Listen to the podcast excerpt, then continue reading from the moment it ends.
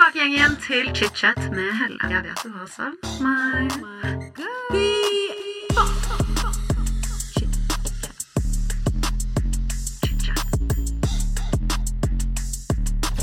I dag får jeg besøk av influenser og TV-regissør Sebastian Solberg. Du har kanskje sett han i Allelske David med David Eriksen, eh, eller på Camp Culinaris, eller kanskje du har sett han på Instagram eller TikTok, for der henger han også mye. I dagens episode så får vi høre om eh, Seb sitt liv fra A til Å, og vi kommer innom temaer som oppveksten hans på Kolbotn og rett utenfor Tusenfryd. Han forteller om eh, adopsjonen sin og eh, tenårene og hvordan de har påvirket livet hans eh, i dag. Vi kommer oss ikke utenom tiden hans i New York, hvordan han kom inn i Eccentric People, og eh, singellivet hans, for å være så ærlig. Men det skal sies at det jeg kanskje bet meg mest merke i i dagens episode, eller det jeg syns var eh, kanskje mest spennende å høre om, var livet hans med Nikoline, eh, og hvordan de har hatt i sitt parforhold. For Seb fortalte at de har jo slått opp og funnet tilbake til hverandre.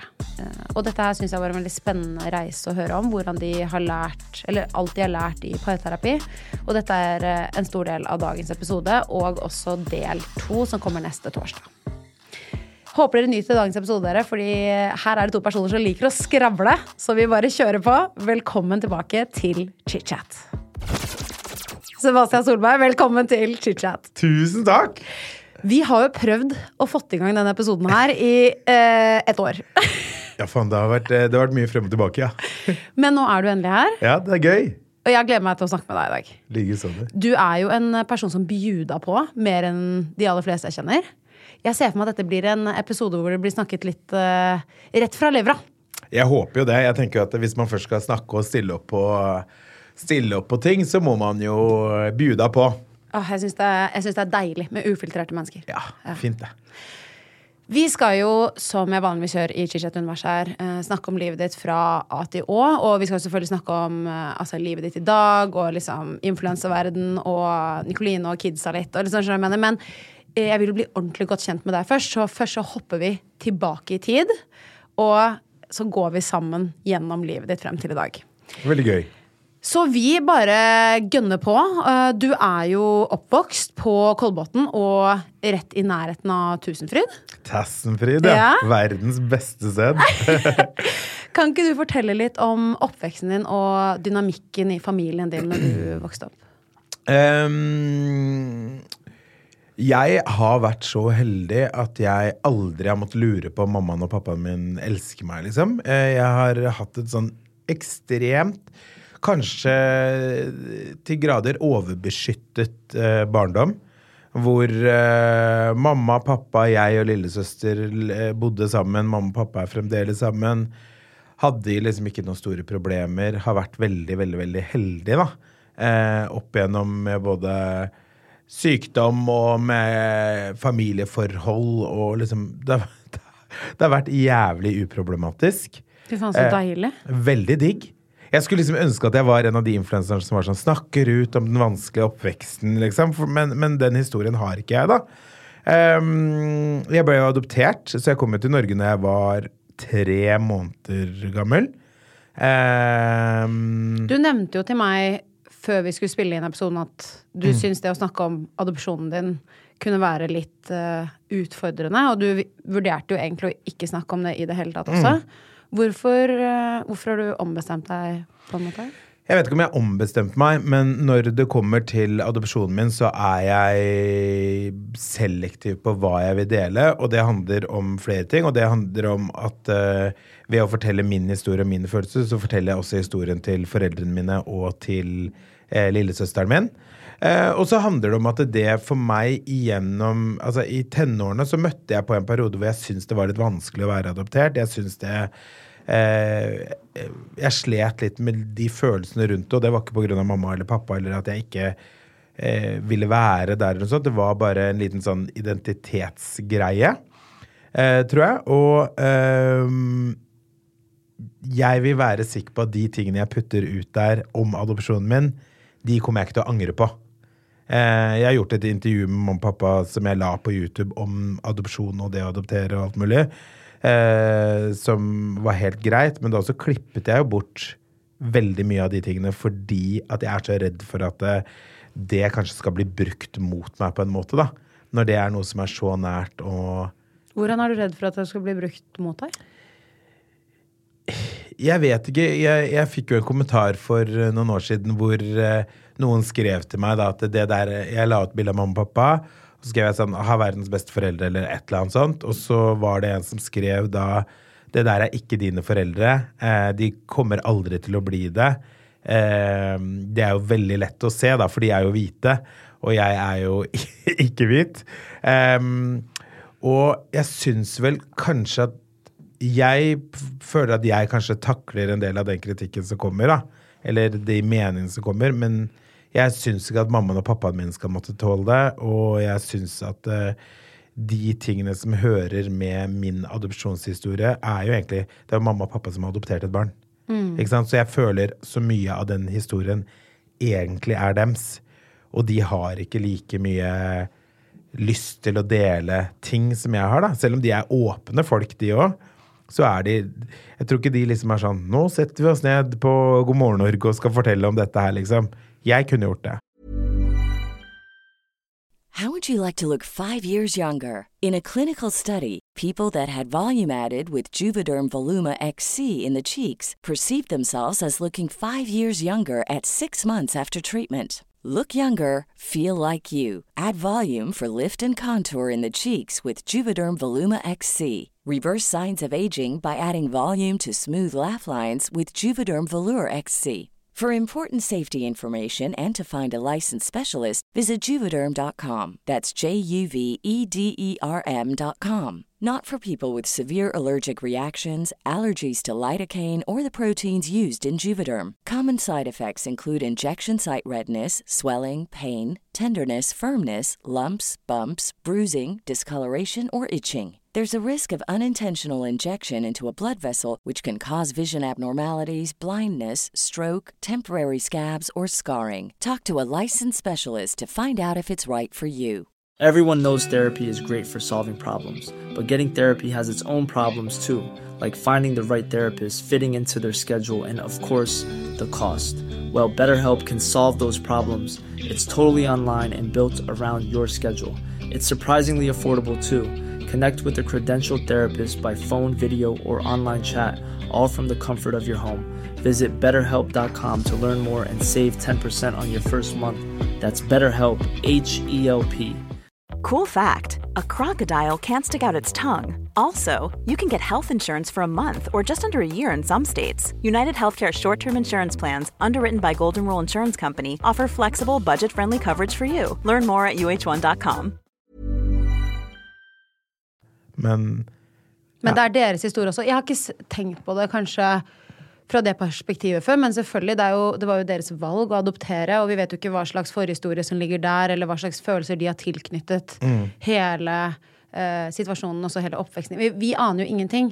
Så det å skåne de skjønner jeg at du har veldig lyst til, og vi aner ikke hvordan de stiller seg til det. Nei, og så er det jo Den kritikken man får, går jo ikke bare på deg, ikke sant? den går jo på hele situasjonen. Og, og de skal også sitte og tåle det. Og eh, som sagt så var det en liten periode i tenårene hvor det var steinslitsomt, da. For deg, da. Ja, og jeg, vil, og jeg vet ikke hvordan, om, jeg, om jeg kan få liksom en reaksjon igjen på det nå. Så da velger jeg også liksom ikke snakke så mye om det før jeg er helt sikker. Men jeg har veldig lyst til å finne en eller annen måte eller et eller annet forum hvor jeg kan liksom fortelle ordentlig om eh, hvordan jeg har følt det å være adoptert, og hvordan forholdet eh, til min søster og til min mor og far har eh, blitt påvirket av det, da, og hvordan jeg også har tenkt rundt å få egne barn. Og, sånn, for det er jo klart at eh, jeg tror at de tingene jeg har gått gjennom, ikke er så veldig unikt for folk som er adopterte. Og så, så tror jeg det sikkert kunne hjulpet en del folk òg. Helt sikkert. Så en eller annen gang så skal jeg finne ut hvordan jeg skal liksom snakke om det. Nei, Jeg skjønner at det kan være liksom vanskelig å navigere seg gjennom det, og folk er så jævlig stygge. Ja. Uh, og jeg skjønner at det du er jo litt vant til å få hets, det høres helt jævlig ut, men det er sånn folk slenger med leppa på TikTok, og til slutt Ja, ja. så er det litt sånn man blir herdet, liksom. Det er jo helt sinnssykt, så, men det skal jo ikke trenge å gå utover de som står deg nærmest. Nei, ikke sant? Man, man tåler det på seg selv, men uh, man tåler det ikke på andre. Og det er også grunnen til at jeg har begynt å liksom, ha med barna mine mindre i sosiale medier også. Eh, og, og jeg syns ikke det er noe galt i det hele tatt. Når alle lager en fucking storm ut av «Eh, Ikke ha barna dine på sosiale medier, det er li- livssynd eller dødssynd eller hva faen de kaller det. Jeg er ikke enig. Jeg syns ikke det er så jævlig. Grunnen til at jeg har valgt å ikke gjøre det nå, er rett og slett Eller de er fortsatt med, og de kommer til å være mer med også fremover. Eh, om det er i reklame eller ikke, whatever, I don't know. Men de er generelt mindre synlige enn hva de var når jeg begynte med sosiale medier. Og det er rett og slett fordi de får dritt, ikke sant? Å, det er sjukt, ass. Når utseendet til barna mine blir diskutert, da merker jeg at det, ah, da kjenner jeg at da vil jeg ikke at de skal være her eh, så mye lenger, da.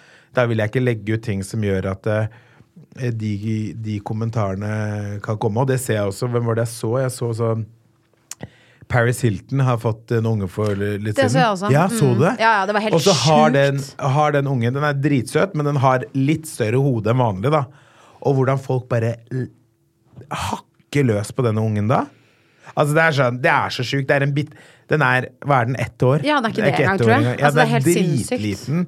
Og folk er så jævlig stygge. Um, S- ah, ja, ja. og det merker jeg at det, det trenger ikke barna mine, så derfor har det også blitt til at de er mer og mer Altså, jeg forteller mer Jeg forteller om de og situasjoner som skjer i hjemmet vårt og livet vårt og alt mulig, men eh, at de skal liksom få kritikk på utseendet sitt, det, det vil jeg ikke. Så selv hvis det er et morsomt bilde av de nå hvor de ser helt weird ut eller har gjort et eller annet rart, så kvier jeg meg mer for å legge ut det nå. Nå er det mer sånn oppstilte, fine familiebilder. Det er de med på. Det er sjukt, ass. Fy Og det er litt trist, egentlig, at man ikke kan vise liksom Jeg syns det er helt vilt, og i hvert fall når du hører om den der eh, krigen om eksponering av barn eller ikke, Mm. så kommer det jo veldig mye altså ned til sånn eh, og kan, kan bildene bli misbrukt, eller kan liksom Jeg føler at det er så helt annet aspekt som folk snakker om. Mm. Men det aspektet du snakker om nå, har jeg egentlig aldri hørt om engang. At det er sånn folk driver med regelrett mobbing av utseendet til barna mine. Det er ja. grunnen til at jeg ikke vil poste det. Eh, Og, og det, det, har, det skal sies at det har de ikke gjort. Altså, det har ikke vært mobbing om at de er så stygge, eller bla, bla, bla, men utseendet deres generelt har blitt diskutert. Eh, og det er jo også mye av grunnen til at vi har liksom De to, to eldste barna mine de var jo en del med i sosiale medier. Og så har vi fått de to yngste, og de, er, de har vært veldig, veldig lite av. Eh, hun eh, nummer tre har vært en del av, liksom her og der, men eh, nummer fire, som er siste nå, har vi Jeg tror ikke vi Han er vel er åtte måneder snart, og vi har ikke vist han, tror jeg. Tror det er vel et bakhode her og der. Men um, Og hele den derre krangelen om eh, barn i sosiale medier eller ikke, jeg syns det sier litt om hvor privilegerte vi er i Norge. Ja, det er faktisk helt sitte- enig. Når vi kan sitte og gnåle om det og liksom skal hate på folk som legger ut Samme faen, det vel. Og det er foreldrene som må, eh, må ta den avgjørelsen sammen. Og jeg også har jo ganger hvor jeg tenker sånn Oi, det du la ut der av barnet ditt, det ville ikke jeg gjort. Men går det utover meg? Nei, det gjør ikke det. Og det skjer også- nok i mitt liv til at jeg må, jeg må liksom feie for den egne døra sjæl først. Før jeg begynner å gnåle over hvem som legger ut hva av eh, barna sine. Ja. Jeg også tenker at det, det er sykt hva som kan få andre ja, altså, kan provosere så jævlig, da. Ja, ja. Eh, Litt sjukt at folk kan fyre seg så Og så må jeg bare si, mens jeg er her, så er det også fuckings irriterende da, at folk lager egne regler for hva som er eksponering og ikke. Flere av disse gneldrebikkjene som har ropt så jævlig høyt om at eksponering av barn er det verste som finnes i verden, de har jo faen meg bakhoder og fingre og trær og sitter i podkaster og forteller om eh, barna sine ut og inn og Altså, det er sånn Who are you to fucking judge? Hvis du skal være imot eksponering av barn, helt greit, men da skal jeg faen ikke se et hårstrå av ungen din, liksom. Jeg skal ikke høre om den. Jeg, Og da skal du få lov til å kritisere meg. det her er jævla For jeg er helt enig. Hva faen er forskjellen, liksom?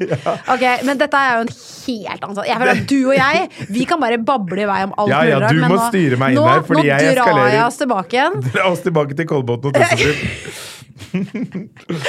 Ok, eh, Tilbake til Kolbotn Tusenfryd. Tenårene dine. Jeg føler jo at du, eh, Seb, er et ekstremt utadvendt, og du virker som en veldig selvsikker person. Ja.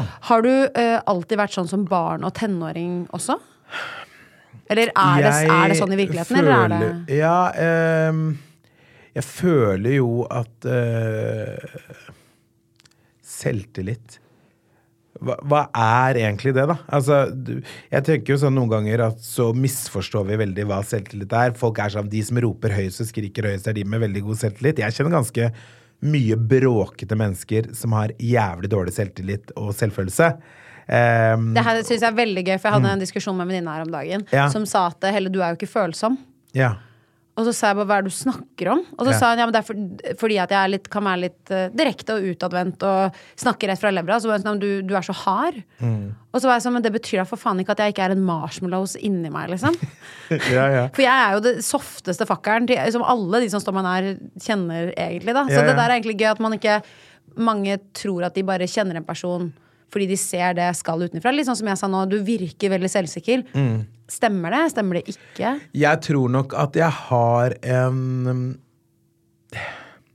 Jeg tror jeg generelt opp gjennom livet så har jeg nok hatt en selvtillit som har vært større enn normalt. Det tror jeg. Det tror jeg må være lov å si når jeg på en måte ser på andre og sånn, men jeg tror det kommer at jeg har vært veldig heldig og alltid hatt venner. ikke sant? Jeg har eh, ikke blitt mobbet, selv om mamma, da Når vi, vi snakket om det her, så mamma sa ja, nei, Sebastian, Sebastian ble veldig mye erta. Og så var jeg sånn Mamma, jeg ble ikke mye erta. Så, så, jo, jeg husker når Og så nevner hun to navn, da. Hadde, hadde kalt deg eh, brunost, og du var så lei deg. Jeg bare sånn Mamma, et barn som kaller et annet barn en brunost to ganger, det er ikke mobbing, liksom. og det føler jeg nesten er dit man har kommet nå, at alle har blitt mobbet fordi de en eller annen gang ble erta for et eller annet. Men jeg har eh, Hvis du spør meg, da, og ikke min mor, som er eh, meget sensitiv på sånne ting, så eh, Og det, det kan jeg bare si, for det har hun sagt selv, og det er jo litt tilbake til det vi snakket om i stad med adopsjonen. Det er jo nesten sårere for hun, ikke sant? At hun da har et barn som ikke nødvendigvis har lignet på hun. Så det har jo vært kanskje såre for hun enn det har vært for meg. Ja. Eh, men ehm, eh, jeg har alltid hatt mye venner. Eh, jeg har vært sånn middels god i eh, god, Middels god til god i alle idretter og fritidsaktiviteter jeg har holdt på med. Eh, jeg har hatt foreldre som liksom Familie som har funket. Altså jeg har hatt veldig sånn trygge og fine rammer, da. Og jeg tror når du har det, så får du automatisk en eller annen selvtillit som gjør at du greier å gå ut og møte både motstand og nye folk og situasjoner på en måte som gjør at du utlyser en selvtillit som kanskje veldig mange andre ikke gjør, hvis det gir mening. Ja. Jeg skjønner godt hva du mener. ja. Og den der tryggheten i bunnen. Da. At du vet at uansett hva som skjer, så har jeg de hjemme, og de støtter meg uansett. Da. Ja. Om jeg driter meg ut, eller om jeg fucker opp, så tør jeg å gå hjem. For, fordi der er det folk som jeg vet har ryggen min. Uansett, ja. da. Og jeg har jo hatt uh, kjempestrenge foreldre. Altså, de var uh, I min ungdomstid så var jeg liksom den som hadde tidligst innetid. Å, du Eh, var det? Ja, ja. Tidligst innetid. Uh, mest regler på sånn hva man fikk lov til å se på og ikke se på av TV-programmer og sånne ting. Så Big Brother, når det kom, så var jo jeg Og det fikk ikke jeg heller lov til å se på! jeg, Er jeg eldre enn deg? Eh, jeg er født i 94. Ja, du er mye yngre enn meg. Jeg er jo 89. Jeg er jo gammel. Herregud, selvfølgelig. Du er jo Ja. Ja, så jeg var jo eh, Da var jeg Hvor gammel var jeg da? Jeg var 11 år, tror jeg. Jeg fikk ikke lov til å se på Big Brother. Dro hjem til en kompis etter skolen som hadde tatt opp det på VHS. Så på det og dro hjem igjen, liksom. Runka til Rodney og Anette som knulla på TV. Gjorde Du jeg. gjorde det? Ja, ja, ja, ja, ja. Episk! Vi satt der vet du, i hver vår ende av rommet og runka til Rodney og Anette som knulla på TV. Dere gjorde det? Ja, altså Det var jo ikke Pornhub på den tiden der. Jeg levde jeg er jo Så gammel er jeg at jeg levde før Pornhub. Jeg ble liksom seksuelt aktiv i min egen Altså jeg onanerte, da. Før porno Porno var egentlig en industri sånn som det er i dag. det var blader, liksom. Jeg husker Det var også Vi stjal bladene til faren til en annen kompis. Men dette her synes jeg helt Løp ut i skogen og runka. det er ikke kødd Men jeg også husker at jeg så på um, Big Brother, Ja. og så kilte i tissen. Ja, ja. Og så husker jeg at jeg var sånn Å nei, dette er ikke lov. Jeg husker jeg tenkte ja. sånn, å nei, dette er litt sånn synd. Altså, Ja. dette, dette, og så trodde jeg at jeg var helt alene om dette i hele verden. Sant? Ja, så jeg ja, trodde ja. jeg var sånn, herregud, dette må jeg gjemme, fordi ingen skjønner hvor gæren jeg er nå. Og det mener jeg det er, sånn, det er viktig å snakke med barna sine om, da. Ja. La det kile i tissen, liksom. Kos deg med det. Men gå på rommet ditt og gjør det. Liksom, trenger ikke å gjøre det foran meg, eh, men jeg syns det skal være en sånn naturlig ting, så barn slipper å sitte og føle på når de kommer i puberteten sånn Å, shit, der var en ståpikk, eller Å, nå ble musa mi våt, eller Men Ja. hva er det? Liksom. Det er jo ikke noe skamfullt, det. Snakker du med barna dine om seksualitet nå, når de er så små som de er? Jeg snakker med, med øh, de, de som forstår det, gjør jeg det. Ikke babyen, liksom. Eh, han er jo åtte måneder, så Din eldste er vel Hun er fem, og så er det en på fire og en på to. Ja. Eh, og de tre eldste liksom prøver jeg å forklare det. Når- Jentene når de liksom står i dusjen og de syns det kiler, så er jeg sånn Ja, det, det er sånn det er, liksom. Sånn er det for folk, og det er ikke noe farlig. Jeg sier ikke sånn det, nå skal pappa gå ut, så kan du kose deg med det. Det er ikke sånn eh, Vi er ikke der, men jeg prøver å gjøre det så naturlig som mulig at det, det der du føler på nå, det er ikke noe galt, liksom. Ehm, og hvis de sitter liksom med hånda i trusa eller noe sånt, så sier jeg sånn Det er helt fint å gjøre, men vi gjør ikke det ved bordet. Det kan man gjøre på rommet når man er alene eller eh, noe sånt. Og så har vi også kjøpt bøker da, hvor det er tegnet opp folk som knuller. Hvor, så de har lært seg hvordan man lager en baby og sånn. Jeg gidder ikke det storkpisset. Babyen kommer stork. Fuck no! Fuck no. Fuck no. En kar putta kukken sin inni musa til en dame. Han kom, og da kommer det noe hvit ut som ser ut som melis. Og så, hvis, eh, hvis man er heldig da, så treffer melisen egget, og så blir det en baby. Er du, eh, for min første tanke er jo da barn gjør jo det foreldrene gjør. Mm. Eh, er du redd for at de skal drive og leke doktor, som alle kids egentlig har gjort på et eller annet tidspunkt ofte? Nei, jeg er ikke noe redd for at de skal gjøre det. Eh, De har jo ikke gjort det, så vidt jeg vet, så langt. Men jeg tenker jo at det er jo Jeg husker jeg gjorde det i barnehagen og barneskolen, liksom. Eh, Det, nei, jeg er ikke noe redd for det. Nei. Men jeg er veldig opptatt av at de skal tørre å si nei når de, hvis noe skjer med de som de ikke vil, enten det er et annet barn eller det er en voksen. At de skal tørre å si nei, at de skal komme og si det. Og også at hvis noen andre sier nei, da, så er det nei, liksom. Da skal de respektere andres grenser. Når det kommer til kropp. Absolutt. Det er vanskelig altså, hvordan det der er med hvor går grensen, og dette er jo det evige dilemmaet. Hva skal man fortelle, hva skal man ikke fortelle? Når er det tid for å fortelle noe? Noen barn kan ta ting tidlig, noen syns det er kjempeubehagelig. Jeg kan bare se for meg hvordan oppdragelsesuniverset bare er liksom en evig labyrint som det er nesten umulig å navigere seg gjennom til tider. How would you like to look five years younger? In a clinical study, people that had volume added with Juvederm Voluma XC in the cheeks perceived themselves as looking five years younger at six months after treatment. Look younger, feel like you. Add volume for lift and contour in the cheeks with Juvederm Voluma XC. Reverse signs of aging by adding volume to smooth laugh lines with Juvederm Volure XC. For important safety information and to find a licensed specialist, visit juvederm.com. That's J U V E D E R M.com. Not for people with severe allergic reactions, allergies to lidocaine, or the proteins used in Juvederm. Common side effects include injection site redness, swelling, pain, tenderness, firmness, lumps, bumps, bruising, discoloration, or itching. There's a risk of unintentional injection into a blood vessel, which can cause vision abnormalities, blindness, stroke, temporary scabs, or scarring. Talk to a licensed specialist to find out if it's right for you. Everyone knows therapy is great for solving problems, but getting therapy has its own problems too, like finding the right therapist, fitting into their schedule, and of course, the cost. Well, BetterHelp can solve those problems. It's totally online and built around your schedule. It's surprisingly affordable too. Connect with a credentialed therapist by phone, video, or online chat, all from the comfort of your home. Visit betterhelp.com to learn more and save 10% on your first month. That's BetterHelp, H E L P. A lot can happen in the next three years. Like a chatbot may be your new best friend. But what won't change? Needing health insurance. United Healthcare Tri Term Medical Plans are available for these changing times. Underwritten by Golden Rule Insurance Company, they offer budget friendly, flexible coverage for people who are in between jobs or missed open enrollment. The plans last nearly three years in some states, with access to a nationwide network of doctors and hospitals. So, for whatever tomorrow brings, United Healthcare Tri Term Medical Plans may be for you. Learn more at uh1.com. Og det er sånn som jeg sa i stad også, som mamma og pappa har nok beskyttet meg for mye. eh, mot ting. Altså jeg, når pappa kom med en sånn bok, da hadde jeg allerede pult. Altså det var sånn Jeg var sånn It's too late, dude. Det er for seint. Og i tillegg så er det jo sånn som mamma og pappa Jeg har sett de krangle én gang gjennom oppveksten. Oi! ja. Eh, Så når jeg da var i et forhold med barn selv, og vi møtte på problemer, så var jeg jo sånn Hva faen er dette? Jeg var ikke noe vant til det. ikke sant? Så jeg tror jo det å beskytte barn for mye for hva som faktisk skjer i livet, både når det kommer til sex, til forhold, hva som skjer ellers ute i verden, jeg tror du gjør det med en bjørntjeneste.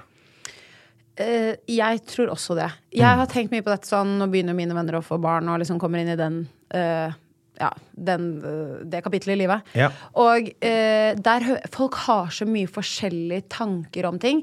Og vi drev og snakket om ok, la oss lære litt av det vi selv har sett vennene våre har gått gjennom. Og vi ser jo at de som har fått minst informasjon hjemmefra, foreldre har vært eh, veldig strict med mm, alkohol, de har fått kjempestraff for å gjøre ting.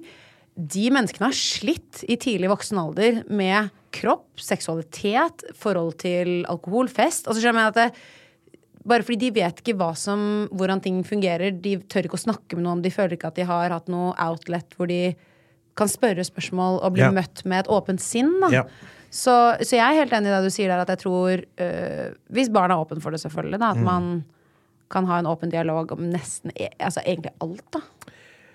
ting de kommer til å møte på før eller siden uansett. Og så vil jeg heller at øh, Altså, jeg vet ikke hvordan det blir når de begynner på barneskolen og sånne ting, men um, jeg vil jo heller liksom være så tidlig ute at jeg forteller dem at porno, det er ikke ekte sex. Det her er liksom ikke sånn det funker, og sånn det skal være. Og sånn alle kropper ser ut sånn. Jeg vil heller at de skal vi få vite det av meg, enn at det skal sitte en eller annen syvendeklassing som har en storebror eller storesøster og er sånn Se her, det her er sånn pupper skal være, og det her er kukkstørrelser, og dette er sånn man knuller, liksom. Jeg, jeg, jeg vil mye heller at de skal få høre det av meg, da. Og jeg, jeg tror det er sunnere. Jeg tror det er smartere. og Jeg tror det også åpner for en dialog for barna, sånn at når de lurer på ting, så kan de komme og spørre, da. Jeg tror det Ja, nei, det høres øh, Det er fint. Jeg liker det. Ja. Og så kan andre bli sure for det. Ja, og så kan, kan, det er akkurat det. Noen kommer sikkert til å bli jævlig pissed av dette. Ikke sant? Det er fordi de bare faen meg bli. Ja. Eh, men inn tilbake i, i ditt liv. Mm. Uh, tenårene dine forbi. Eh, og jeg tenkte på noe, fordi vi var jo innom Eccentric. Satt og snakket med David der om dagen. Mm. Uh, og da nevnte du en bisetning sånn Ja, når jeg bodde i New York. Når bodde du i New York? Har du bodd i utlandet mye av livet ditt? liksom? Jeg har bodd i uh, Melbourne, New York, LA uh, og Marbella. Har du bodd i Marbella også? Jeg bodde bodd i Marbella. Eller bodd, hvis man kan si at ti måneder er å bo et sted. Det da. Da har jeg bodd der. Ja. Da har jeg gjort det. Um, jeg har gjort mye av studiene mine i utlandet, så først så gjorde jeg ett år i Melbourne i Australia. Hatet det. Oi. Hatet det Hvorfor det? skikkelig. Vet du hva? Der fant jeg ikke min plass, rett og slett. Jeg følte meg masse ensom. Fant liksom ikke en gruppe mennesker som jeg likte å være med. Eh, følte ikke at jeg passet inn, og det var liksom en ja, Det var ikke noe tøft, for jeg kom meg gjennom det og hadde folk jeg hang med og alt mulig, så det var ikke noe det er ikke noe boohoo-story, det her heller. Men da kjente jeg sånn, i første gang av mitt voksne liv, på litt sånn ensomhet, og det å ikke trives med de menneskene jeg var med. Jeg syns skolen var kjip, og folkene var kjipe. Så du dro De derfra etter et år, da? Si sånn. Jeg gjorde det. Men da var jeg ferdig, da, så jeg fullførte. Ja. Eh, de folkene jeg lå med åh. Åh. Alt var liksom litt nasty der borte. Ja, alt var liksom Jeg, jeg, jeg, fikk, ikke, jeg fikk ikke Melbourne til, da, i Australia. Ehm, men jeg var masse i Sydney, for der hadde jeg masse venner, og det syntes jeg var fetere by, og stakk dit når jeg kunne. Men eh, nei, men det syns jeg var en veldig sånn fin greie som jeg ser tilbake på at jeg for, for det første fullførte, og det må man noen ganger i livet, når ting ikke bare funker og man vil ikke gjøre ting, så er det sånn du må faktisk bare fullføre. Det er en jævlig sunn attitude å ha til utfordrende opplevelser og kapitler i livet som kanskje er litt kjipe, da. 100% og så føler jeg så mange unge mennesker nå er sånn Med en gang de ikke liker noe, da, da slutter jeg. Jeg gidder ikke. Det er bare sånn Bare press deg selv igjennom det, og du kommer til å sitte som en gammel mann og være sånn Det der var bra. Det var bra. Eh, så det gjorde jeg da. Og så var jeg i LA. Nei, nå løy jeg på rekkefølgen her. Jeg var på i LA først.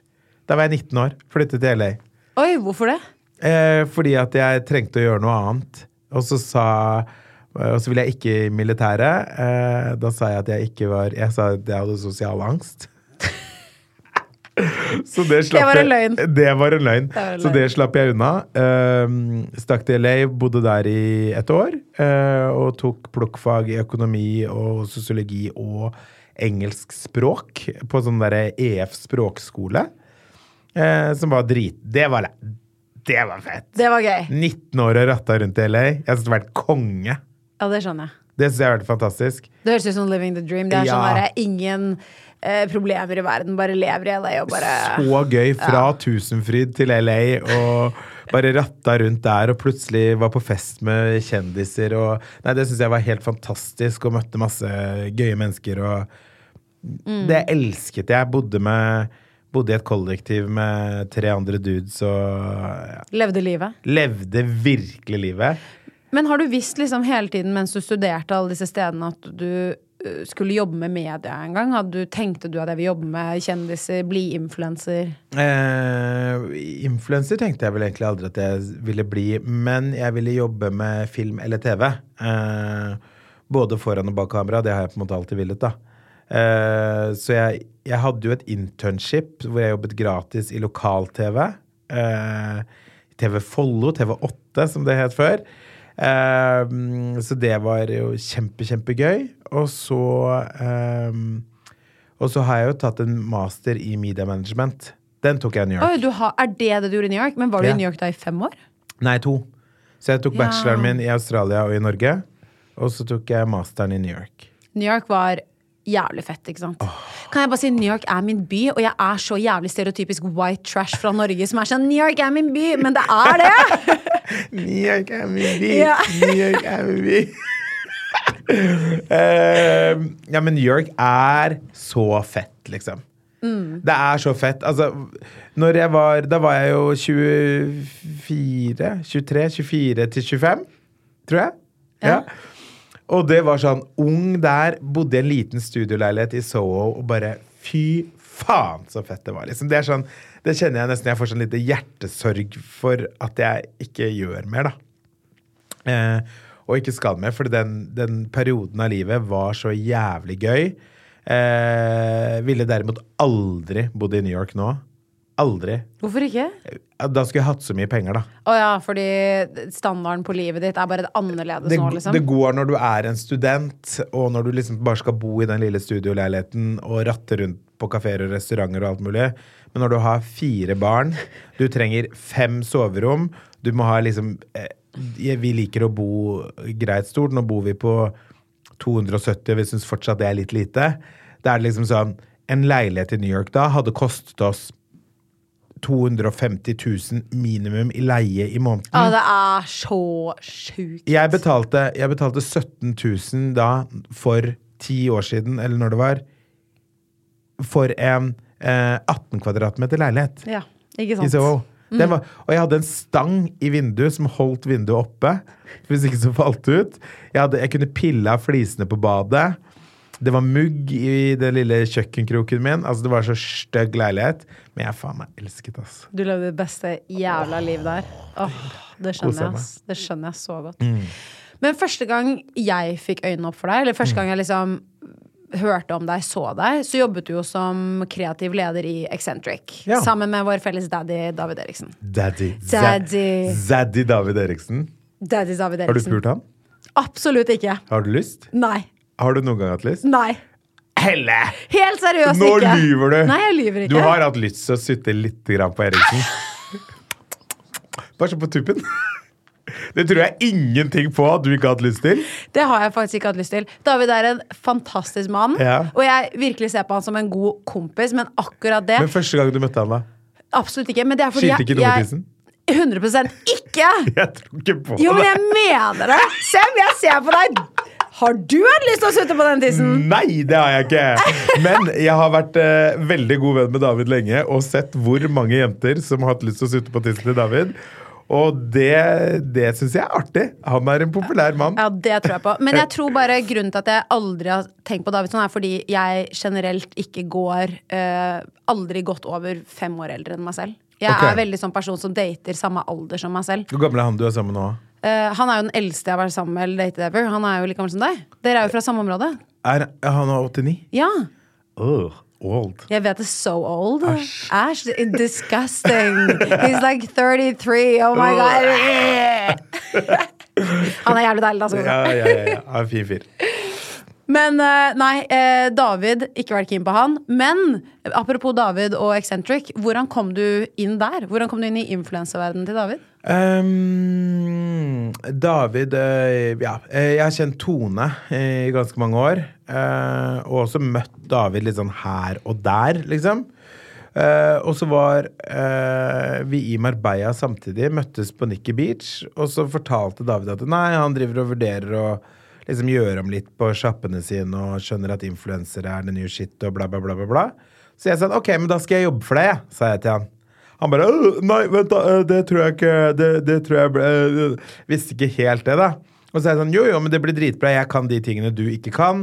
Jeg har erfaring fra TV. Jeg har jobbet i TV i flere år. Um, eh, som regissør og kan liksom denne greia. Jeg har allerede et nettverk. Jeg har god oversikt over hva som beveger seg i, i, eh, i den verden her nå. Eh, og så sier han sånn, ja, ok, og så merker jeg at han ble litt interessert. Og så sa sånn, du får ringe deg når du kommer hjem. Og da gjorde jeg det den dagen han landet i Oslo. Jeg var sånn, hei, nå må vi ta lunsj. Eh, Elsker pågangsmote. ja da, og så um, maste jeg meg til en lunsj med David, og så er jeg sånn, ja, men nå, eh, nå må vi bare starte, liksom. Snakket jeg egentlig til han som at jeg allerede hadde fått jobben. eh, og så gikk det en dag, og så ringte jeg meg og sa sånn, ja, ok, nei, men hva skal du ha i, du ha i måneden da? Hva, hvordan gjør vi dette her? Og så fikk jeg jobb. Herregud, amazing! Ja. Så du bare trakasserte han til en jobb? 100% Deilig. Deilig med folk Hun- uten skam i livet. Helt nydelig. så, så da fikk jeg jobb hos David. da. Det var jo det var Så alle som hører denne episoden her, hvis du bare trakasserer David Eriksen nok, så får du jobb Da får du jobb. Da får du jobb. Du må, du må ha litt kompetanse og litt utdanning og litt andre greier å strø på, men eh, har du det, da får du deg jobb. Altså, det Altså. er nydelig. Men hvor lenge jobbet du for EP? Jeg jobbet i Eccentric i to år. Ja. Ja. Mm. Før du ble profil selv. Og gikk ut for å bli liksom influenser selv, istedenfor å deale med alle influenserne. Ja, eller det, det var jo to grunner til at jeg sluttet. Det ene var jo at eh, jeg, samtidig som jeg jobbet bak kamera for alle disse profilene, gjorde litt regijobber og div greier, så bygget jeg også opp min egen profil og min egen persona foran kamera, da. Eh, så til slutt så kom jeg i et til et veiskille hvor det ble litt sånn Jeg var kanskje ute og skulle pitche på noen av profilene vi hadde i Eccentric, og så spurte de meg sånn Ja, men hva med deg, da? Vil Ja. du? Så da satt jeg plutselig og var sånn Og da kunne ikke jeg si ja til det. Fordi det er jo kjempeuproft når jeg skal representere noen, og så tar jeg fra de en jobb. Ikke sant? Det går jo ikke. Jævlig bra at du ser hvor uproft det er selv, for jeg tror veldig mange hadde bare skummet den fløten og vært sånn ja, ja, søff, du kan få meg med på kjøpet. Ja, men så, så det ble jo en ubehagelig greie til slutt, som vi måtte gå gjennom med de profilene det gjaldt og alt mulig. Og så var det liksom greit en liten periode. Eh, men så eh, havnet jeg også i min siste tid i Eccentric i en periode i livet mitt som var utrolig, utrolig kjip, hvor jeg gikk inn i en liten depresjon og Eh, hadde det liksom ikke noe bra. Eh, og det gikk også eh, selvfølgelig utover jobben jeg gjorde. Eh, og det her er ikke noe David har sagt. Han var verdens beste sjef i den tiden. Han var sånn Kom bort til meg til slutt og sa sånn Nå tar du deg to uker eh, fri, liksom. Nå må, du, nå må du slappe av. Fordi jeg var på jobb og ville, men jeg gråt jo på jobb, og det var liksom Jeg, føl, jeg, jeg kjente selv at nå yter ikke jeg det jeg vil at jeg skal yte når noen har brukt penger på å ha meg ansatt et sted. Jeg følte ikke jeg greide å gi det, så jeg snakket med David om det, og så sa jeg til David at, eh, at eh, nå har vi kommet til en situasjon hvor jeg både er profil, og jeg føler det blir rotete for eh, profilene våre å sitte og se på at eh, en av de som skal jobbe for dem, også tar jobber selv. Og i tillegg så føler jeg ikke at jeg greier å gjøre en bra nok jobb for deg nå. Um, og det var en jævlig kjip samtale å ta, fordi jeg har aldri hatt en så bra sjef som David. En så raus og snill og forståelsesfull og eh, person som prøvde å tilrettelegge. Han var sånn Ja, men kan vi kanskje jobbe litt Kan, dere jobbe litt min, kan du jobbe litt mindre? Kan vi finne en annen måte? Um, Han er så fin. han er så snill, og, um, men da kjente jeg at det, det går ikke nå, da. Nei. Både fordi jeg gjør ikke den jobben jeg skal, og fordi at eh, det blir rot i forhold til hvor jeg skal videre karrieremessig. Ja. Så Kan det var eh, kjipt, altså. Det skjønner jeg skikkelig. Mm. Men kan jeg spørre deg Du svarer selvfølgelig på akkurat det du selv ønsker, men eh, kan jeg spørre hvorfor Eller hva tror du trigget denne mørke perioden i, i livet? Eh, Jeg har jo vært åpen om det selv også, i min egen podkast Se på nikket, som jeg har sammen med min samboer, men vi gikk jo fra hverandre en periode. Ehm, og eh, det var jo også i en periode hvor vi hadde barn. Eh, Vi hadde akkurat fått et barn til. eh, Eller det var litt før det jeg sa opp i Eccentric, da, men, men det, jeg syns det var kjempetøft, da.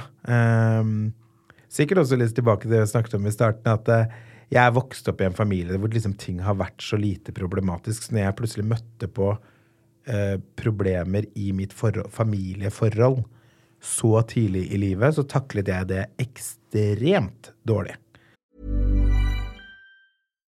If you're looking for plump lips that last, you need to know about Juvederm lip fillers. With Juvederm Volbella XC and Juvederm Ultra XC, your lip look, whether it's subtle or bold, can last up to one full year with optimal treatment and no additional maintenance. Find a licensed specialist and see if it's right for you at juvederm.com today. That's J U V E D E R M.com. Add fullness to lips in adults over 21 with Juvederm Volbella XC or Juvederm Ultra XC. Do not use if you have severe allergies or a history of severe allergic reactions, or if you're allergic to lidocaine or the proteins used in Juvederm. Tell your doctor if you have a history of scarring or taking medicines that decrease the body's immune response or that can prolong bleeding. Common side effects include injection site redness, swelling, pain, tenderness, firmness, lumps, bumps, bruising, discoloration, or itching. As with all fillers, there's a rare risk of unintentional injection into a blood vessel, which can cause vision abnormalities, blindness, stroke, temporary scabs, or scarring. For full important safety information, visit juvederm.com.